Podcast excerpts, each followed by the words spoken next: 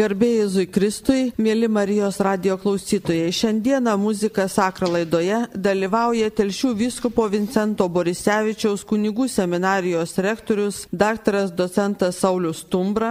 Garbėjai Jėzui Kristui, mėly Marijos radijos klausytojai. Prepedeutinio kurso klerikai Jokūbas Juškevičius Sveiki. ir Saulis Komantas. Labadiena. Ir aš Janina Bucevičia, Žemaičių muziejaus alka istorikė. Šiandien mes susirinkome pakalbėti apie liaudiškai pamaldumą, prisimindami Dievo kulto ir sakramentų tvarkos kongregacijos liaudiškojo pamaldumo ir liturgijos vadovą, kur buvo rašoma, kad liaudiškasis pamaldumas bažnytinė tikrovė, įkvėpta ir vedama šventosios dvasios. Tačiau vis tik tai savo pašnekovo norėčiau paklausti. O kasgi slepiasi po terminu liaudiškasis pamaldumas, kuo jisai skiriasi nuo kitų liturginių apieigų, kaip liaudiškasis pamaldumas reiškiasi praktikoje ir kuo skiriasi nuo profesionaliojo meno, nuo liturgijos ir ar iš tikrųjų bažnyčiai reikėtų jį saugoti ir puoselėti. Taigi tie klausimų kyla išgirdus apie liaudiškai pamaldumą. Tai gerbiamas rektoriau. Ar šiandien dar liaudiškasis pamaldumas yra Lietuvoje, ar jis yra aktualus ir kaip pas mus Žemaitijoje su to liaudiškuoju pamaldumu? Mėly Janina, mėly Marijos radio klausytojai, jeigu mes šiandieną čia susirinkę kalbame apie liaudiškai pamaldumą, reiškia jisai ir yra, ir yra gyvas, ir tikrai tikiu jisai bus toliau gyvas. Turbūt verta galbūt pasiaiškinti tam tikras savokas, kas yra kas, nes kartais mes galim pasiklysti, miške tarp daugybės medžių ir nežinoti, apie ką mes kalbame. Jūsų paminėtas terminas arba savoka liaudiškasis pamaldumas, jisai talpina savai du žodžius - liaudiškasis ir pamaldumas. Taigi pat žodis liaudiškasis galbūt mūsų lietuvių ausiai ne visada skamba labai maloniai, tarytum sakydamas, kad čia mes kalbam apie kokią varguomenę liktais. Bet tai yra sociologinė galbūt interpretacija tų žodžių, bet kai mes kalbam teologiniai dimensijos, kai mes kalbam bažnytiniai plotmiai, tai žodis liaudiškasis reiškia, kad mes kalbam apie Dievo tautą. Ir tai reiškia, kad tas liaudiškasis pamaldumas kyla būtent iš tos Dievo tautos kaip organiškas ir natūralus pamaldumas. Ir žodis pats pamaldumas, savai suprantama, galbūt mums labiau suprantamas kaip dievotumas netgi kartais. Tai liūdijas, kad sujungus tą žodis liaudiškasis ir pamaldumas reiškia tai maldos formos, maldos būdai ir visa kita, kuri kyla iš pačios Dievo tautos. Taip galėtume labai paprastai interpretuoti tą dokumentą ir tą pačią savoką, kurią jūs ką tik pacitavote iš to garsaus bažnyčios dokumento. Dievo tauta žymiai taip praplečia tą savoką, kad tai įeina ne tik tai, sakykime, kaip jūs ten sakėt, paprastų žmonių, na, ne menininkų, ne profesionalių muzikos atlikėjų, bet visų. Tai gali būti ir profesionalai, ir paprasti eiliniai žmonės, kurie nesusiduria tiesiogiai su menu, bet jie taip pat dalyvauja šitam Dievo tautos šlovinimo procese. O kaip su kunigais? Ar kunigai taip pat priklauso prie to liaudiškojo pamaldumo? Labai geras klausimas, ar kunigai priklauso Dievo tautai? Čia galime ir nusijuokti, netgi skaniai manau. Savaime suprantama, bet turbūt dvasininkijai, pirmiausia, ganytojams viskupams ir aišku jų padėjėjams kunigams tenka uždavinys to būdėtojo kad liaudiškasis pamaldumas ir jo įvairiausios formos, kurios yra labai paplitusios ne tik visam pasauliu katalikiškajam, bet ir mūsų tėvynį Lietuvoje, kad jos išliktų vedančios link Dievo, kad jos išliktų sveikų religingumo raiška, bet gink Dievas, kas įmot saugot, kad būtų apsaugotas tos pamaldumo formos praktikos nuo prietarų, nuo stabeldystės. Taigi toje vietoje, skusim, kunigas ir ganytojas atlieka labai svarbu vaidmenį saugotojo brangintojo ir vedimo tos Dievo tautos sveikų kabutėse tikėjimo raiškos keliu. Taip galėtume atsakyti. Kaip suderinti va tą grinąją liturgiją ir liaudiškai pamaldumą? Kur surasti tą aukso vidurį, kad nenukrypti į tokias pagoniškas arba dabar naujas, galbūt modernes, bet nieko bendro neturinčias su religija formas, bet išsaugoti tą pamaldumą Dievo tautos vedančio link Dievo. Žinot, klausimas yra labai sudėtingas, čia turbūt keletus minučių jį atsakyti nelabai ir pakaktų, bet bandykim. Pats liaudiškasis pamaldumas, kaip tokia maldos forma, sakysim, arba visas turinys to liaudiško pamaldumo, jisai ir pats ir sako, kad jisai veikia šalia oficialiosios liturgijos. Čia turbūt vertėtų bažnyčiai galbūt ir mušti šiek tiek į krūtinę, nes daugelį amžių tas liaudiškasis pamaldumas tarytum buvo išvarytas iš bažnyčios. Už bobinčiaus netgi ribų, taip liaudiškai sakant. Ir buvo paliktas vien tokiam privačiam namų pamaldumui, bet žiūrėkit, ką tas kabutėse išvarimas pagimdė. Kad ir mūsų tautoje mes turim nuostabiausias Gegužinės mojavas liaudį vadinamas. Mes turime kryžiaus dienas dar kai kur praktikuojamas, lankymas kryžių. Mes turime gražias tradicijas koplytėlių statymo. Tai liaudiškas pamaldumas visur yra. Mes turime nuostabes, beveik visoje Lietuvoje sutinkamas įvairias šermenų apėgas. Aišku, turbūt čia išsiskiria žemaityje su savo turtingomis šermenų apėgomis, bet apie tai galbūt ir kitose laidose mes kiek vėliau. Taigi tas išstumimas kabutėse iš oficialiosios galbūt liturgijos davė impulsą tai Dievo tautai, kuri meldėsi namuose savo gimtają kalbą - lietuviškai, žemaitiškai, dzūkiškai, aukštaitiškai - melstis taip, kaip sapnuoja, taip, kaip svajoja. Ir tai galbūt ir pagimdė tokį platų tų liaudiškojų pamaldumo praktikų pasireiškimą mūsų tautoje. Juo labiau, kad bažnyčioje iki pat antro Vatikano vis tik tai dominavo lotynų kalba. Taip. O jeigu kalbėti apie bažnyčią iki trečio Lietuvos Lenkijos valstybės padalinimo, tai šalia lotynų kalbos viskas pagrindė buvo lenkų kalba. Tai žemaitiškai, lietuviškai, tai, tai galbūt pamokslai buvo sakomi pačioj bažnyčiai, o vis tiek žmonės, kaip jūs sakote, labai gražiai gerbiamas rektoriau, norėjo melstis lietuviškai, žemaitiškai ar dzūkiškai. Dėl to gimė tas liaudiškasis pamaldumas už bažnyčios, kaip jūs sakote, ribų. Žinot, aš čia noriu įsiterpti, man labai užstrigo tas lenkiškai, žemaitiškai. Dažnai yra kaltinama, sako, mes neturim satų liaudiškai pamaldumą, mes viską iš Lenkų perėmėm. Žinot, šioje vietoje reikia ir sutikti su tą mintim, kad daugelis tų liaudiškų pamaldumų praktikų atėjo iš mūsų kaiminės Lenkijos, kuri šiek tiek yra senesnė krikščioniškųjų katalikiškų tradicijų nei mes. Bet aš vis atsakau, yra didžiulis bet. Taip, atėjo į mūsų šalį per Lenkiją galbūt. Bet juk lietuvis nebūtų lietuvis, jeigu savo akcento ant to, kas atėjo, nepadarytų savo. Žiūrėkit, verstos giesmės. Ar gavėnios mes repertuarą paimsim, ar, ar netgi valandžiaus aukso altorių randamosi giesmėse. Taip, Tekstai versti iš lenkų kalbos daugumos, kiti yra iš lotynų kalbos versti. Bet juk melodijas tai mes perėmėm visur, turim savas, čia aš jau kaip muzika sakau. Nenukopijuota nuo lenkų. Ir mes čia turim tikrai žodžiu prasme džiaugsmą, kad mes jas tas melodijas tom giesmėm, kabutėse verstiniam, kabutėse svetimom, mes jas padarėm savom, duodami joms lietuvišką charakterį, duodami joms vietinį charakterį. Čia reikia lenktis žemai prieš tuos šimtus ir tūkstančių liaudės gesmininkų, kaimuose žinomų ir nežinomų, kurie tą žodį skaitė, dėjo melodiją taip, kaip sugebėjo. Ir galbūt todėl ir būdavo, kad vieną tą pačią giesmę kaime trys gedoriai gėd beveik skirtingai. Bet tame grožis. Tame ir turtas, ir tas savotiškas gerai, ta žodžio prasme, lietuvių charakterio pasireiškimas. Mes norim savo melodiją gėdoti. Tai jeigu čia ta, ta vieta galbūt ir skauduka kartais nuskamba, mes nieko savo neturim. Ne, mes turim savo. Net jeigu kažkas ir atėjo iš kaimynų, bet mes jį susavinome, nepabijosiu to termino. Taip pat norėčiau pridurti, kad nereikia bijoti, kad atėjo iš kaimynų, Nes Lenkai taip pat dalį, manau, perėmė iš tų pačių vokiečių ar iš e, kitų kalbų. Lygiai taip mes dalinamės visų tuo turtu, o krikščionybė pas mus iš tikrųjų ateina per Lenkiją ir tai natūralu, kad mes daug ką perimam. Žinoma, reikia pasakyti, kad liaudiškasis pamaldumas nėra tik gesmė, bet aš suprantu gerbiamą rektorių, kuris yra pats puikus gesmininkas ir labai puikiai išmano liaudiškai gesmę, aišku, ir be abejo profesionalę. Bet dabar norėčiau paklausti jaunimo, va čia sėdinčių Jokūbo ir Sauliaus, kągi jiems reiškia tas liaudiškasis pamaldumas, ką jie supranta va šiandieninis jaunimas, išgirdę šitą terminą.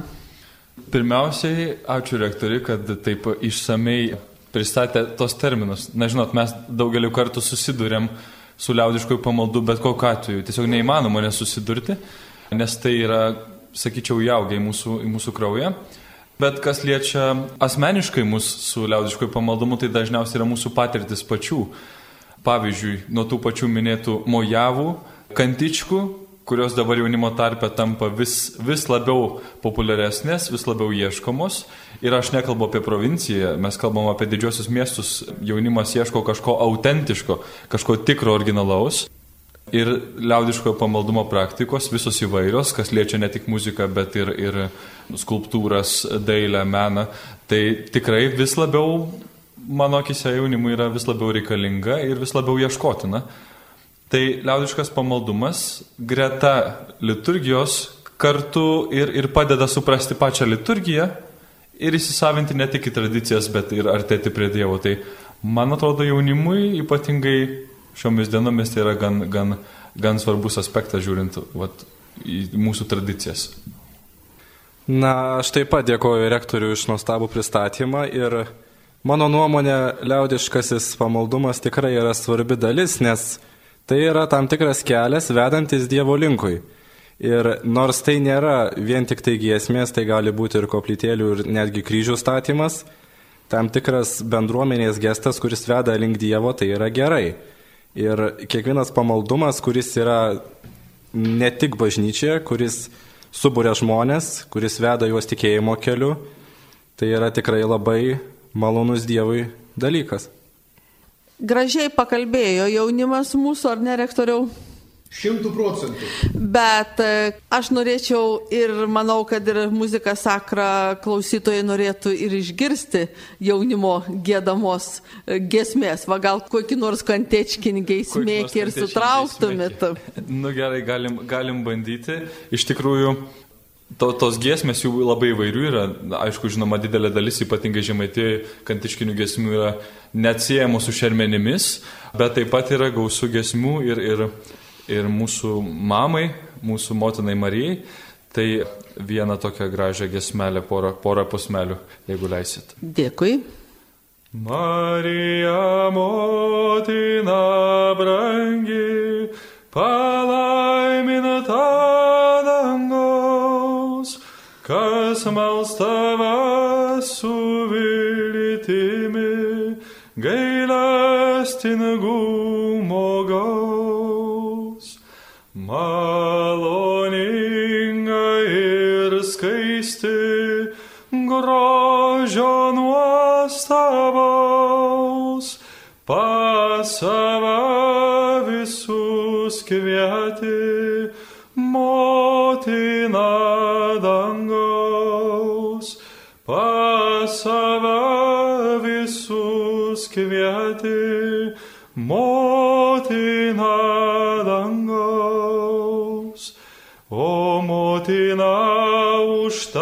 užtarkimus, neleiskin niekados, kad nepaguostas būt žmogus, kurio klausai maldos. Maloninga ir skaisti, grožio nuostabaus, save visus kvieti, motina dangaus, pas save visus kvieti,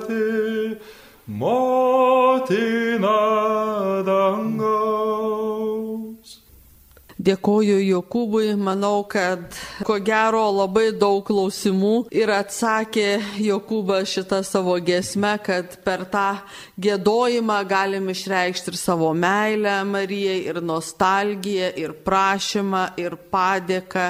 Ir tada tampa tai labai sava, artima ir gyva, ir Marija, ir tikėjimas, ir Dievas atrodo nusileidžia iš dangaus.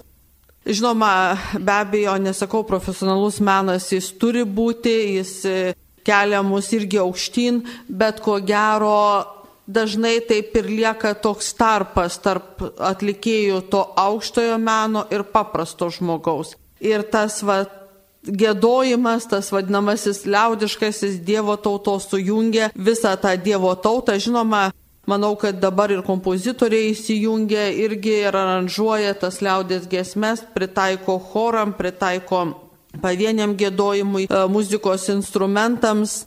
Bet iš tikrųjų liaudės pamaldumas nėra tik tai giesmės. Jis apima daug daugiau, tai gali būti ir kūno tam tikra laikysena, ir gestai, ir dalykėliai, ir įvairūs religiniai ženklai. Mėly Janina ir mėly Marijos radio klausytojai, žinot, atsakant į jūsų klausimą, aš leisiu savo pirmiausia pacituoti gerbiamą popiežių Benediktą XVI, kuris vienoje iš savo audiencijų yra labai gražiai būtent tarytum atsakęs į jūsų tą išsakytą mintį. Cituoju, ką sako popiežius. Liaudės pamaldumas yra didis bažnyčios lobis, padedantis žmonėms pačiu nuoširdžiausiu būdu išreikšti savo tikėjimą. Seniai gestai ir ženklai perdodami iš kartos į kartą išmokstami iš tėvų ir senelių, yra turtas, kurį būtina saugoti. Tai kartu labai svarbi priemonė solidarumui ir artimo meiliai skatinti šeimų vienybei ir bendruomenių narių draugystei stiprinti. Manau, kad atsakymą išgirdom visi, kurie klausėmės to, tos citatos. Jūs žiūrėkit, popiežius ką sako, seniai gestai ir ženklai perdodami iš kartos į kartą. Žinot, aš dar labai paprastai iš savo vaikystės pamenu, kai važiuodavau automobiliu į mokyklą ir iš mokyklos ir pamatydavau važiuojant laidotuvės. Tai buvo dar sovietmetis. Visą tėvą sustodavo, pakeliai nusimdavau kepurę ir ramiai leisdavau pravažiuoti laidotuvių procesijai. Nu, jūs sakykit, ar tai yra neliaudiškoj pamaldumo ženklas? Po mūsų to pačiuose gražiuose miesteliuose ir kaimeliuose nerasim turbūt vyresnio amžiaus žmogaus, senioro dabar gražiai vadinamo, kuris leistų savo praeiti pro koplytėlį ar kryžių, nenuėmęs kepurės nuo galvos, nenusilenkęs. Negalėtų to padaryti. Bet tai vot yra žestai, tradicijos, kurios ateina iš kartos į kartą. Ir šioje vietoje galbūt reikėtų vėlgi, dėja, bet antrą kartą kartuoju laidoj, muštis mums į kurtinę, kad ne visada tą deramą kultūrinę tą dalį esam nors ir gavę, bet perdavę į tolimesnę kartą. Ir aš, galbūt aš permėsiu šį klausimą link e, klyriko Sauliaus. Žinau, jis yra iš, iš Dzukijos, iš Alitaus. Tas kraštas labai pasižymi savitą vieną liaudiškai tokį pamaldumo praktiką, kuri ateina iš gilios, netgi baltiškosios kultūros, bet kaip šiandien su raudomis yra. Ką pats galėtum pasakyti iš savos patirties? Na, Šiandien, šiais laikais, raudos yra vis dar neatsiejama šermenų dalis. Ir kaip rektorius ir minėjo, raudos kaip apeiginis žanras lietuvių istorijoje yra labai seniai, netgi nuo baltų genčių laikų. Jau skaičiuojama apie 800 metų. Nuo 13 amžiaus pradžios, žinoma, tais laikais tai dar nebuvo katalikiškas žanras, tai buvo apeiginis šermenų dalis kurią dažniausiai žmonės perleisdavo atlikti įvairiems žiniams, galbūt galima pavadinti šamanams, taip, bet katalikiška bažnyčia, atėjusi į Lietuvą, kai Lietuva pakrikštyta tapo, tiesiog laikė tai kaip ir pagoniškumo ženklų, šaukimuose kažkokių kitokių dievybių, dieviškųjų galių, įvairaus žmogaus sudėvinimo, kad tie žiniai stengiasi susisiekti su mirusiaisiais, kas nėra labai adekvatus ženklas. Ir uždraudė raudas kaip tokią praktiką šermenų metu. Tačiau žmonės be abejo nepasidavė, vis tiek raudas atlikinėjo, gėdojo ir prisitaikė. Pradėjo raudas atlikinėti patys, kadangi žiniams tai perleisti buvo griežtai draudžiama. Tai pradėjo jas atlikinėti patys, žinoma, kadangi visi žmonės yra skirtingi, tai ir raudų tipas pakito, jų atsirado netgi labai daug. Tai raudos nebeturėjo pastovaus teksto, tiesiog gėdorius pritaikydavo prie tam tikros situacijos, prie konkretaus atvejo ir tiesiog naudodavosi tradiciniais vaizdiniais. Netgi melodijos įvairiuose Zukijos regionuose irgi pasikeisdavo pagal gėdoriaus balso tembrą ir, kaip minėjau, pagal konkretų atvejį. Tai raudos tai ne tik tai skirtos apgailėjimui, bet senovėje jomis buvo stengiamasi perduoti žinę mirusiajam, tiesiog atverti jam vartus, kad jis susisiektų su kitais mirusiaisiais. kas šiais laikais be abejo yra jau labai pasikeitę. Na, ne visiškai, sakyčiau, pasikeitė. Kiek žinau, bent jau pas mus Žemaitijoje, šalia kalno, ar ne, dar yra ir tam tikri maldavimai, kaip ne tik tai visų šventųjų litanija yra gėdama, bet yra kreipiama ir iš šventuosius, sakytume, kurie buvo to mirusiojo vardo, kaip sakom, globėjai, taip pat kreipiama irgi melžiamas ir už tėvus ar dėdės, tetas, na, žodžiu, ir už giminės mirusiuosius, tuo pačiu juos prisimenant, na, tiesiogiai gal nekvečiant padėti, bet irgi suprantant, kad jie irgi padėtų tam mirusiajam pereiti į tą napusinį pasaulį pas viešpati. Na, o dzukai tai iš tikrųjų, kiek man yra žinoma, labai gražiai taip dar patarė, kaip reikėtų elgtis ir taip toliau. Gal, Sauliau, žinote kokiu nors raudų? Na, pas asmeniškai nesu jų atlikinėjęs, nes vis dėlto šiais laikais tai jau yra ne kiekvieno asmens atliekama praktika. Be abejo, kaip ir dauguma klausytojų esu dalyvavęs kaip klausytojas, kaip gedintis asmuo, bet pačiam atlikti neteko. Jeigu galima vieną reakciją, man teko girdėti visai nesnai gyvą raudą vieną. Tai buvo pirmą kartą mano gyvenime ir aš tarytam pratesdamas kleriko Sauliaus mintį sakysiu taip. Taip, mes galim tą prieš istoriją kalbėti, jis buvo vienoks aspektas, bet Jonas Paulius II, kalbėdamas apie evangelinės žinios inkultūrizaciją į kiekvieną tautą, perimant tos tautos gražiausius kultūrinius reiškinius, tarytum šioje vietoje mums atsakymą duoda. Taip, pradžioje galbūt tai buvo kovos galbūt momentas, buvo oficialioji bažnyčia prieštaravo tam baltiškajam, sakysim, reliktui, bet šiandien jisai turi visai kitokią spalvą. Ir žinot, klausantis tos raudos, kur raudojo sesuo savo brolio mirusio, man kaip žemaičiui atrodė, kad jinai tarytum rašo laišką Dievui. Gražiausiom spalvom tą savo brolelį pristatydama. Tarytum taigi trūksta žodžių. Štai dievulė, aš tokį nuostabų žmogų atiduodu į tavo prieglopstį, būk jam maloningas ir galestingas. O tarytum, tarytum tokia graži rauda ateinant iš sielos gelmių, bet tarytum žmogaus pristatymas Dievui. Bet čia mano kaip pašaliečio reakcija, tarkim, žemaičio, besiklausančio dzūkiškos raudos, kuri šiandien, kaip ir savo klerikas Saulis, vėlgi gauna ir kitokią spalvą ir galbūt ir dzūkijų nelabai, ką kiekvienas ir drįstų šiandien stot prie savo mirusiojo karsto ir ją išraudoti. Apart samdomų raudotojų, kurių žinau taip pat yra. Tai kaip ir Žemaitijoje su kalnų gėdojimu, bet tikrai norėčiau palinkėti, kad Zukai išsaugotų šitą nuostabią raudą, nes kiek žinau, yra ir Žemaitijoje yra buvęs senovėje. Šita tradicija buvusi taip pat buvo raudos raudamos, bet Žemaitijoje išnyko.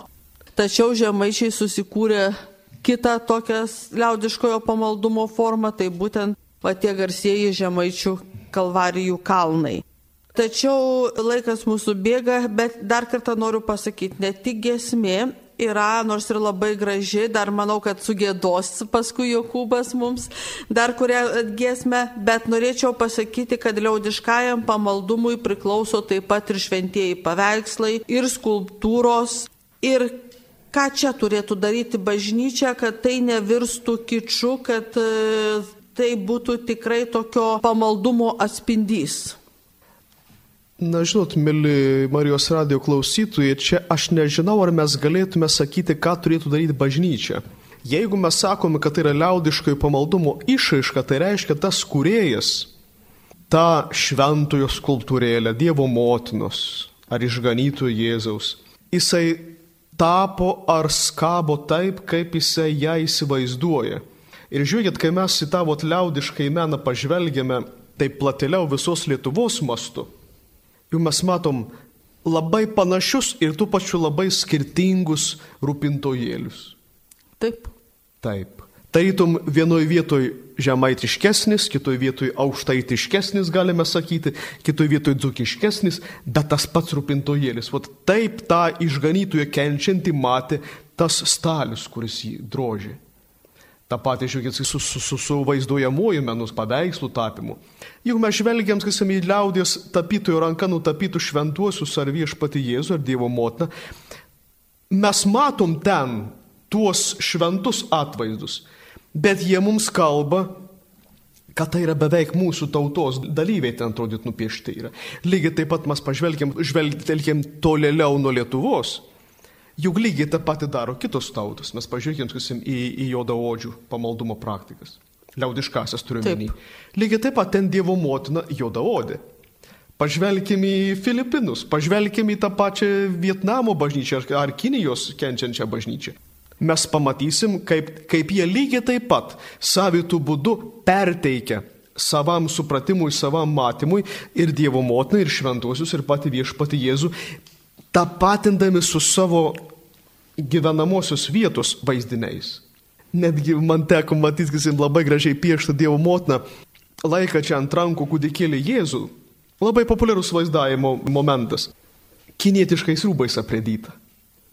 Tai vat išmanačiam supranti, taip, čia vat yra gyvas, konkretus liaudiškojo pamaldumo, liaudiškojo meno pasireiškimas, kuris yra sveikintinas. Žiūrėkit, tai yra šventasis tėvas Pranciškus labai kasmet berots kviečiasi į Šventojo Petro baziliką Romoje, Latino Amerikos įvairiausias e, tautas švesti savo tikėjimą, į kuriuos būtent kviečia teis su savo tais visais liaudiškai pamaldumo elementais, atributais. Ir su statulėlėmis, ir su, su kryžiais, su viskuo. Ir žinot, man teko matyti gyvai tuos visus jų darbus. Nu iškart žiūrėdamas jūs gali suprasti, tai priklauso Latino Amerikai.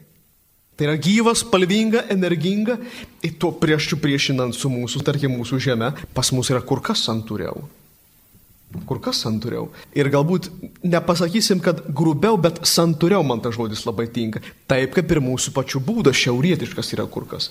Bet tame turbūt grožis ir yra, kad tie patys evangeliniai vaizdiniai, kiekvienoj kalboj, tautoj, netgi toj, pavadinkim, susim pasaulio kampe randa savo raiškos būdą, kaip prakalba į žmogų. Arba žmogus prakalbina savo tų būdų tuos Evangelijos vaizdinius.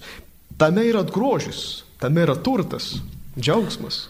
Dabar jūs taip gražiai priminėt apie visuotinę bažnyčią, tai džiugu, kad mūsų popiežius Pranciškus taip pat labai aktyviai, netgi oficialioj liturgijoje deklaruoja ir demonstruoja tą liaudiškai pamaldumą. Jisai, pavyzdžiui, prisiliečia prie kūdikėlio Jėzaus, jį pabučiuoja, paliečia Mariją. Tai gal kas pas mus nėra taip pas šiauriečius įprasta, bet va, kaip sakot, pas pietiečius labiau, va, ta pati Argentina, iš kurios jau yra kilęs popiežius Pranciškus Taigi irgi jisai nebijo parodyti tą savo pamaldumą perimtą iš savo tėvų, senelių ir aplinkinių žmonių. Mes taip pat demonstruojam liaudiškai pamaldumą, kai pavyzdžiui nešiojam medalikėlius, kai kitus religinius ženklus, tai irgi yra to paties liaudiškojo pamaldumo išraiška arba tam tikri gestai. O jeigu kalbėti apie skulptūrą, tai tikrai galime tik pasidžiaugti, kad nepaisant to, kad mūsų Lietuva yra tokia maža, bet yra labai savita.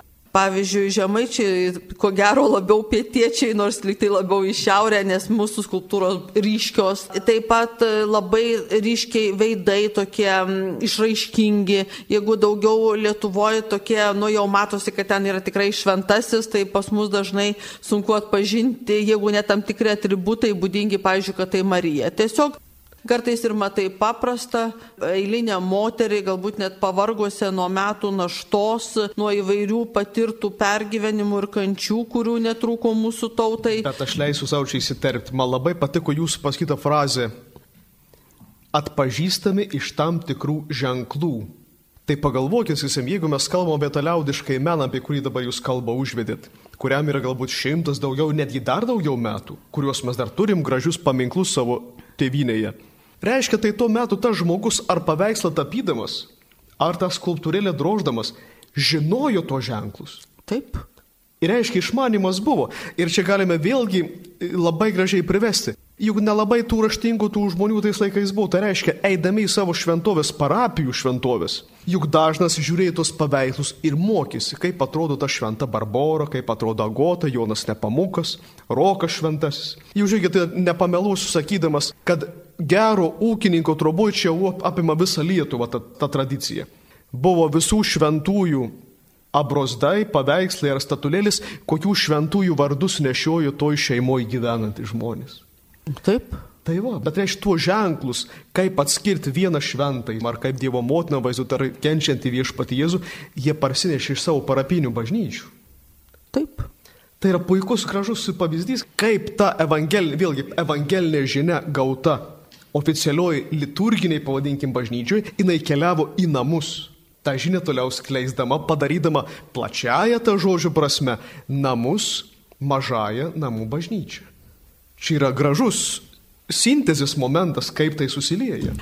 Ir kadangi rektorius labai gražiai pradėjo kalbėti apie vietas pamaldumo, kurios nėra susijus tiesiogiai su bažnyčia, kaip sakrali erdvė, tai yra šventovės, tai yra šventos vietos, kurios yra, sakytume, už bažnyčios arba ir toj pačioj bažnyčioj. Tai reikia pasakyti dar vieną tokią labai paplitusią pamaldumo formą ir praktiką, tai yra piligrimystė, kuri dabar vėl atgimsta.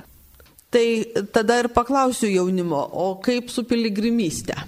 Jokūbais ir Sauliau, ar jums tai yra priimtina, ar jūs dalyvaujat ir kiek jaunimui svarbi yra piligrimystė, ar vien tik tai ekskursijos? Na žinote, piligrimystė, man atrodo, kad šiuo metu yra ganėtinai populiari savoka, nes vis dėlto mes Ačiū Dievui, vis artėjame prie to, kad mes keliaujame ne šiaip savo ir ne, neiname ekskursijų, bet piligrimystė yra su tikslu.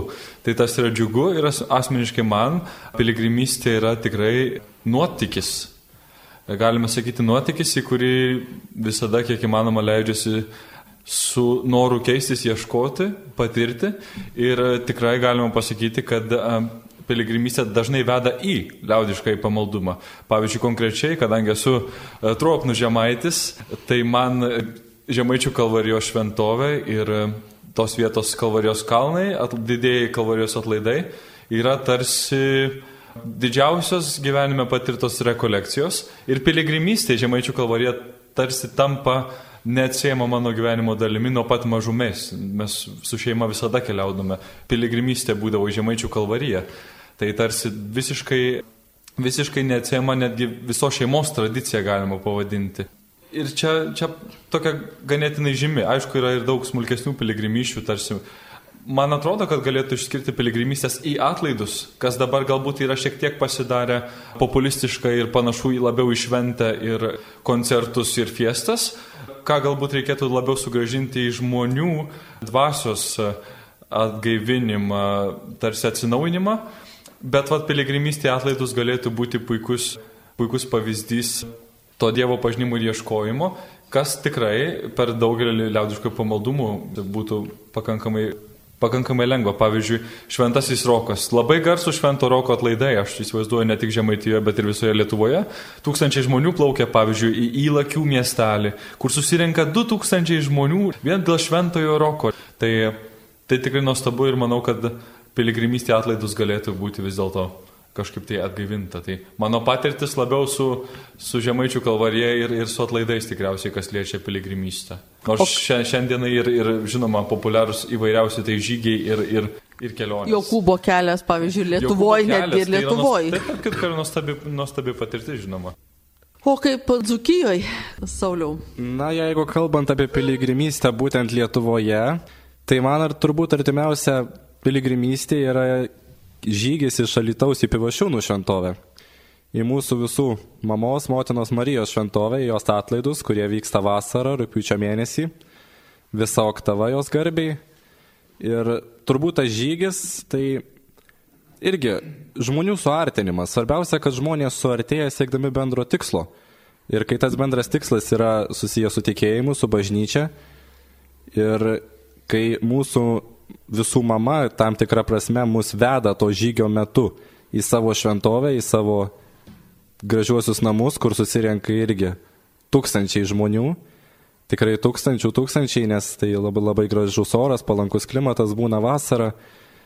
Ir tai tikrai yra labai puikia praktika, nes kartais jaunimas susitikęs tokiuose piligriminiuose žygiuose, nors jie nėra ilgi, tarkim, tas žygis nuo Lietuvos iki Pivošiūnų išeina žmonės ryte, atvyksta į vakarinės mišes, labai suartina žmonės. Tiek ir jaunimą, tiek ir vyresnio amžiaus, brandesnio amžiaus žmonės. Bet tas bendras tikslo siekimas visada yra labai gera motivacija. Ir jaunimas, ir kiti žmonės paskui netgi susitinka, susibendrauja ir toliau lanko tas šventovės, į kurias keliavo. Tai piligrimystė, taip pat jeigu pas mus žemaitė, tai aišku dar šiluva, o šiaip tai yra Marijos šventovės, pavyzdžiui, daktaras Vaivada yra apėjęs netgi 50 Marijos šventovių čia pas mus žemaitijoje. Ir aišku ir kitur vykti yra labai gražu ir šventąją žemę, ir tą tikrą Jokūbo kelią, ir kitur tai irgi skatina žmonės išeiti iš savęs, iš savo tos aplinkos Jokūbai. Kas liečia dar piligrimystę, ką tik kilo tokia mintis, kad kiekvienas iš mūsų esam pakviesti į didžiąją piligrimystę, tarsi linkam žinojo gyvenimo. Ir kadangi prašė dar vienos gesmės, Taip. yra nuostabi, nuostabi kantiškinė gesmė apie tai, kaip mes turime keliauti pas dangiškojo tėvo, pamatyti jo veidą ir mes vis turim nuolatos kasdien tarsi klausti, ar priimsi mane tėvelį į tą, į tą nuostabų dangų. Oi gražus, gražus, tolimasis dangus, ar priimsi mane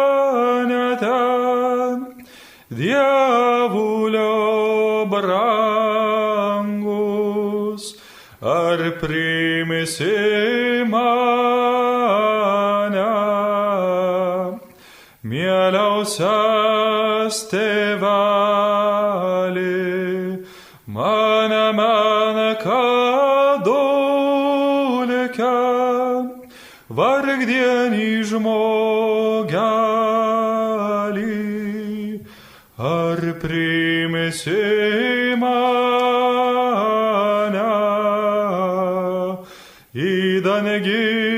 dangišką rūmą, ar tu man uždėsi ant galvos karūną, kad aš galėsiu tenai pailsėti ir į tavo šventą veidą paveizėti.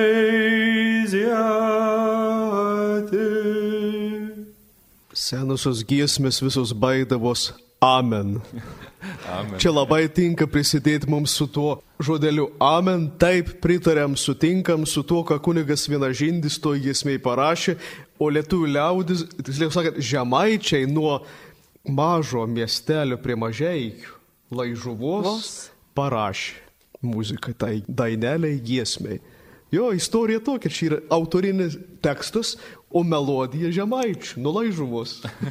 Dabar, ko gero, didžioji dalis galėtų sakyti, kad tai tikrai yra žemaičių liaudės gesmė ir tai yra iš kitos pusės labai gražus pripažinimas paties vienažindžio, kada jo gesmės, kaip ir kai kurios maironio, yra tapusios tiesiog liaudės gesmėmis. Tai yra, ko gero, aukščiausias įvertinimas kūrėjo.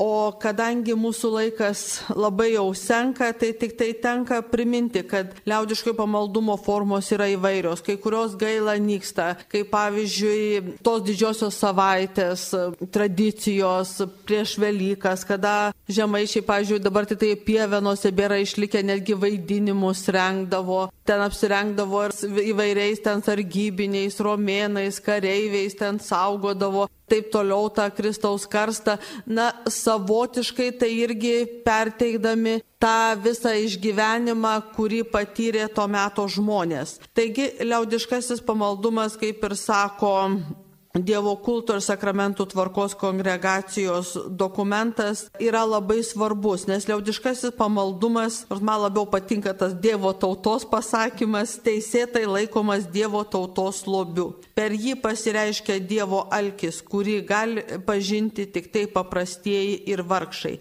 Na, tai yra paprastai, žinoma, savo dvasia. Ir tava visa gesmė tokia graži, kur dabar nuskambėjo, tikrai taip ir veda link dangaus, o mes visi esam piligrimai e, šioje kelionėje. Taigi tas Dievo tautos pamaldumas mums padeda suvokti Dievą, suvokti šventuosius, juos priimti išreikšti savo džiaugsmą, skausmus, išgėdoti, išraudoti ar tiesiog džiaugtis, kaip sekasi ir dėkoti už tai Dievui.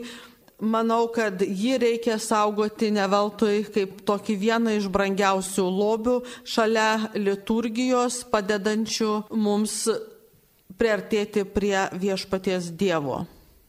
Taip, užbaigiant laidą galime drąsiai sakyti, liaudiškojų pamaldumo praktikos, kokią mes be paimtume, kokioj tautoj mes ją be pamatytume ir be atrastume, tai yra labai gražus, individualus ir tuo pačiu tautinis žmogaus paliudimas aš pona Dievo priimu dušę, savo tautos charakteriu ir visų to tikėjimo turiniu ir baze, galėtume sakyti.